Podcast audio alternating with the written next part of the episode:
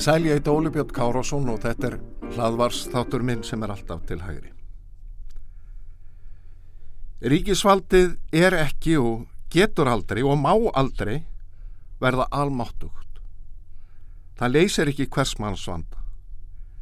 Enga síður eru margir stjórnmálumenn gerðnir á að gefa loford um að allt eða flest skuli gert fyrir alla.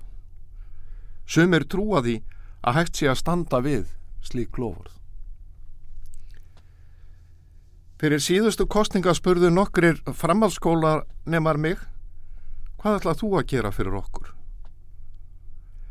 Nefnarnir höfðu gengið á milli frambjóðat á flokkana og krafið á svara og fengi lofur sem stór. Ég ætla að láta ykkur í friði, svaraði ég. En leita allar leiða til að tryggja að þeir hafi aðgengi að öflugu mentakerfi Það sem þið getur ræktað hæfileika ykkar, fundið farveg fyrir það sem hugur en þráir, mentakerfi sem býr ykkur undir lífið og gefur ykkur tækifæri í framtíðinni. Og ég mun standa við bakið á ykkur þannig að þið fáið að njóta hæfileika ykkar og dugnaðar. Unga fólki var, satt að segja, dálítið undrandi yfir þessu svari en það bjósta við einhverju allt öðru. Líklegast fyrir heitum um hækkun námslána, aukin framlögur ríkisins til framhaldsskóla og háskóla eða jáfnvel enn starri lofurð. En í mörgu held ég að þetta svar mitt lýsi grunnhugssjónum mínum ágjalla. Ég raunar oft spurður af ungu fólki sem þyrstir í upplýsingar um hugmyndafræði, hugmyndafræði frelsis, hvar þeirra sé helst að leita. Við sem höfum skipað okkur undir fána frjálsíkjunar, trúna á mátt og getu einstaklingsins og að frumréttur hans sé frelsið, andlegt og efnaðarslegt frelsi, eru nokkuð gæfusum. Hundruð bóka standa okkur til bóða, eftir íslenska og erlenda hugsiði. Hayek, Friedman, Sowell, Mill, Popper og Neutschek, svo fáinir séu nefndir. Ólafur Björnsson, Birgir Kjaran, Jón Þorlóksson, Hannes Holmstedt Gissurarsson hafa hver með sínum hætti lagt mikilvæg hans gerð inn í íslenska hugmyndabaratu. Og þá er ónemdur Mattías Jóhannesson, rittstjóru og skáld. En í kistur hans hef ég alltaf leitað, sífelt meira eftir því sem árin líða. Árið 1982 gaf Mattías út sabritið félagi orð, greinar samtul og ljóð. Í grein sem hann skrifaði árið 1981 rifjar Mattias upp að Haldur Lagsnes hafi haldið því fram í skáldatíma að stalinismi og nazismi væru greinar á sama meði. Það er ekki lítið sagt og íhugunar efni fyrir okkur með tillitið þess sannleika sem við reynum að finna með aðstóð frjálsíkju og líðræðis, skrifa Mattias. En sá algildi sannleiki er því miður ekki til. Það er í raun eitt af aðalsmerkjum frjálsíkjunar að játa svo einfalda staðurinn. Þó slík afstafa drægi ekki úr frjálsíkjumönnum að halda áframleitinni að því þjóðfélagi sem næst gæti komist þeim þjóðfélags sannleik sem við að því er virðist þráum umfram allt. Og þó er mér næra að halda að leitin sé eftirsóknarverðari en sannleikurinn sjálfur á sama hátt og eftirvæntingin er einmitt skemmtilegri en reynsla og raunveruleiki. Mattias og Karl Popper hafa greinlega átt ágæta samleið í mörgu. Í viðtali við Hannes Holmstein árið 1985 bendi Popper á að frjálsíkjan verði aldrei full sköpuð. Hún er endalös leit að lausnum, tilraun til að takmarka valdið binda það svo það geti hort til heilla fyrir fólk, saði Popper.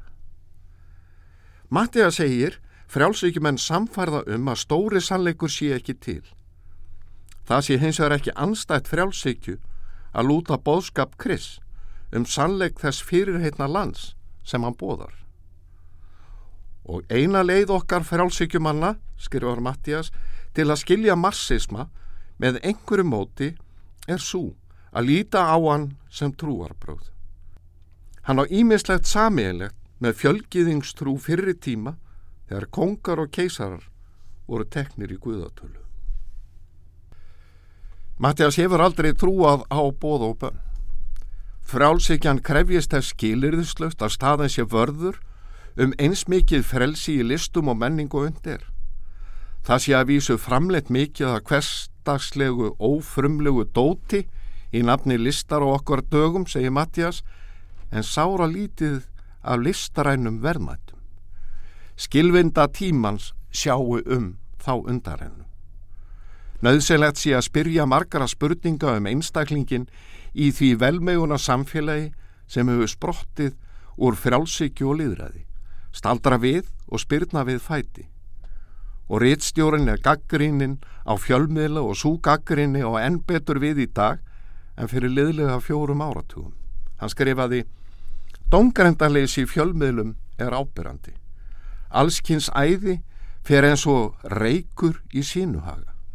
Það minnir annars vegar á húsbóndavald almenningsálitsins sem mill nefnir svo og hins vegar á hræðslugæði sem talað er um í fornum íslenskum bókum. Brenglað mat er hríkaleg staðrind.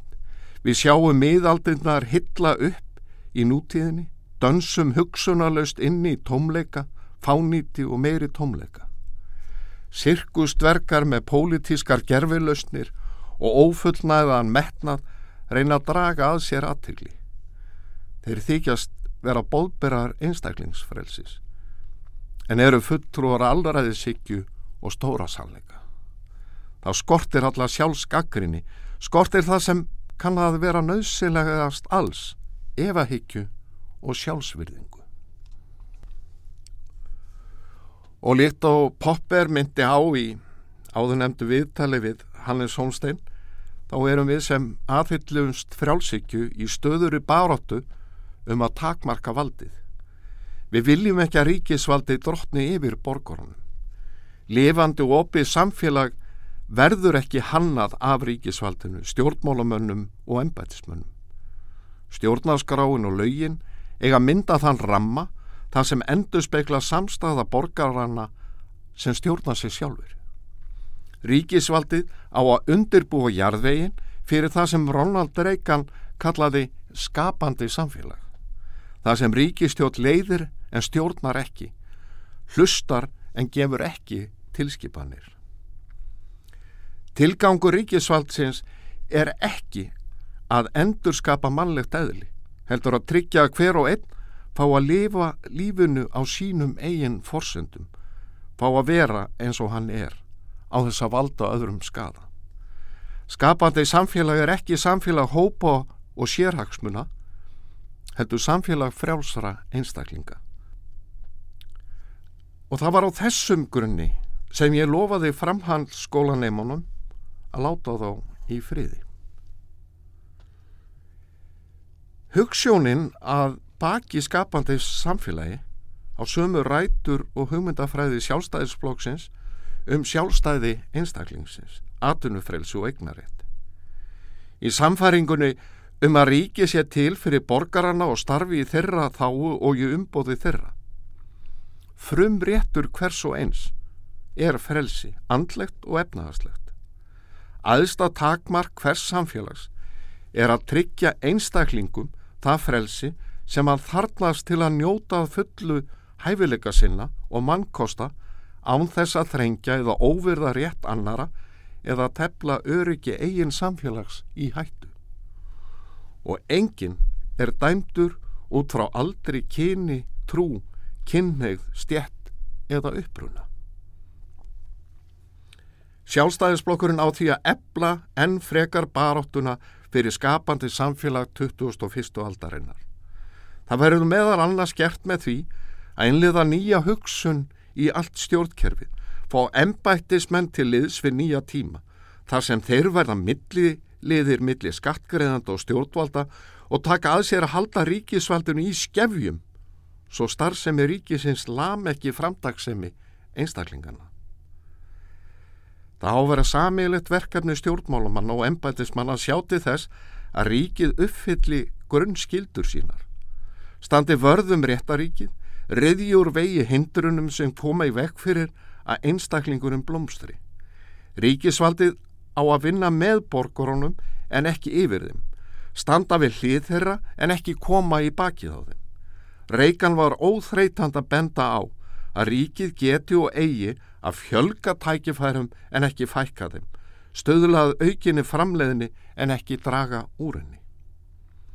Skapati samfélag brítur niður regluverk sem hamnar atvinnusköpun og dregur úr sparnaðu og fjárfestingum, skapar skilir fyrir hagföð sem byggist á nýsköpun og frjóri hugsun einstaklinga.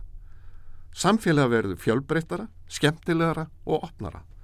Tækifærin fleiri og lífskjör allara betri. Skapandi samfélag verður ekki til án þess að allir eigi kost á þáttöku og fái notið eigin hæfileika. Styrklegi samfélagsins verður aldrei meiri en möguleikar einstaklingana til að koma að lausn verkefna og sameiginlegar að vandamála. Ríkisvaldið er aðeins verkværi borgarana. Í skapandi samfélagi finna frumkvöðlinn, framtagsmaðurinn, sjálfstæði aturreikandinn og listamæðurinn frjóan í örðug. Þeir eru allir, hver með sínum hætti, drivkraftar þjóðfélagsins, afvakar framfara, fjölbreytara mannlífs og betri lífskjara. Þegar íttir undir framtak einstaklinga með hagstaðari umgjörðskatta, einföldu regluverki, þróttmiklu mentakerfi og öflugu listu og menningarlífi byggist upp samfélag velmjögunar og velferðar. Eftir sex ár fagnar sjálfstæðisflokkurinn aldar ammali sínu. Hugmyndafræðin hefur elst vel og hún er traustur vegvísir til langar framtíðar. En hugmyndir þarf að ytta og móta í takt við tíma. Skapati samfélag, það sem framtagsmaðurinn fær að njóta eigin dugnaðar, skapandi listamaðurinn blómstrar, einstaklingurum fær að vera hann sjálfur, er samfélag sem byggist á grunn stefnu sjálfstæðis stefnunar. Skapandi samfélag frelsis. Ég þakka þeim sem hlýtu, ego og stundir.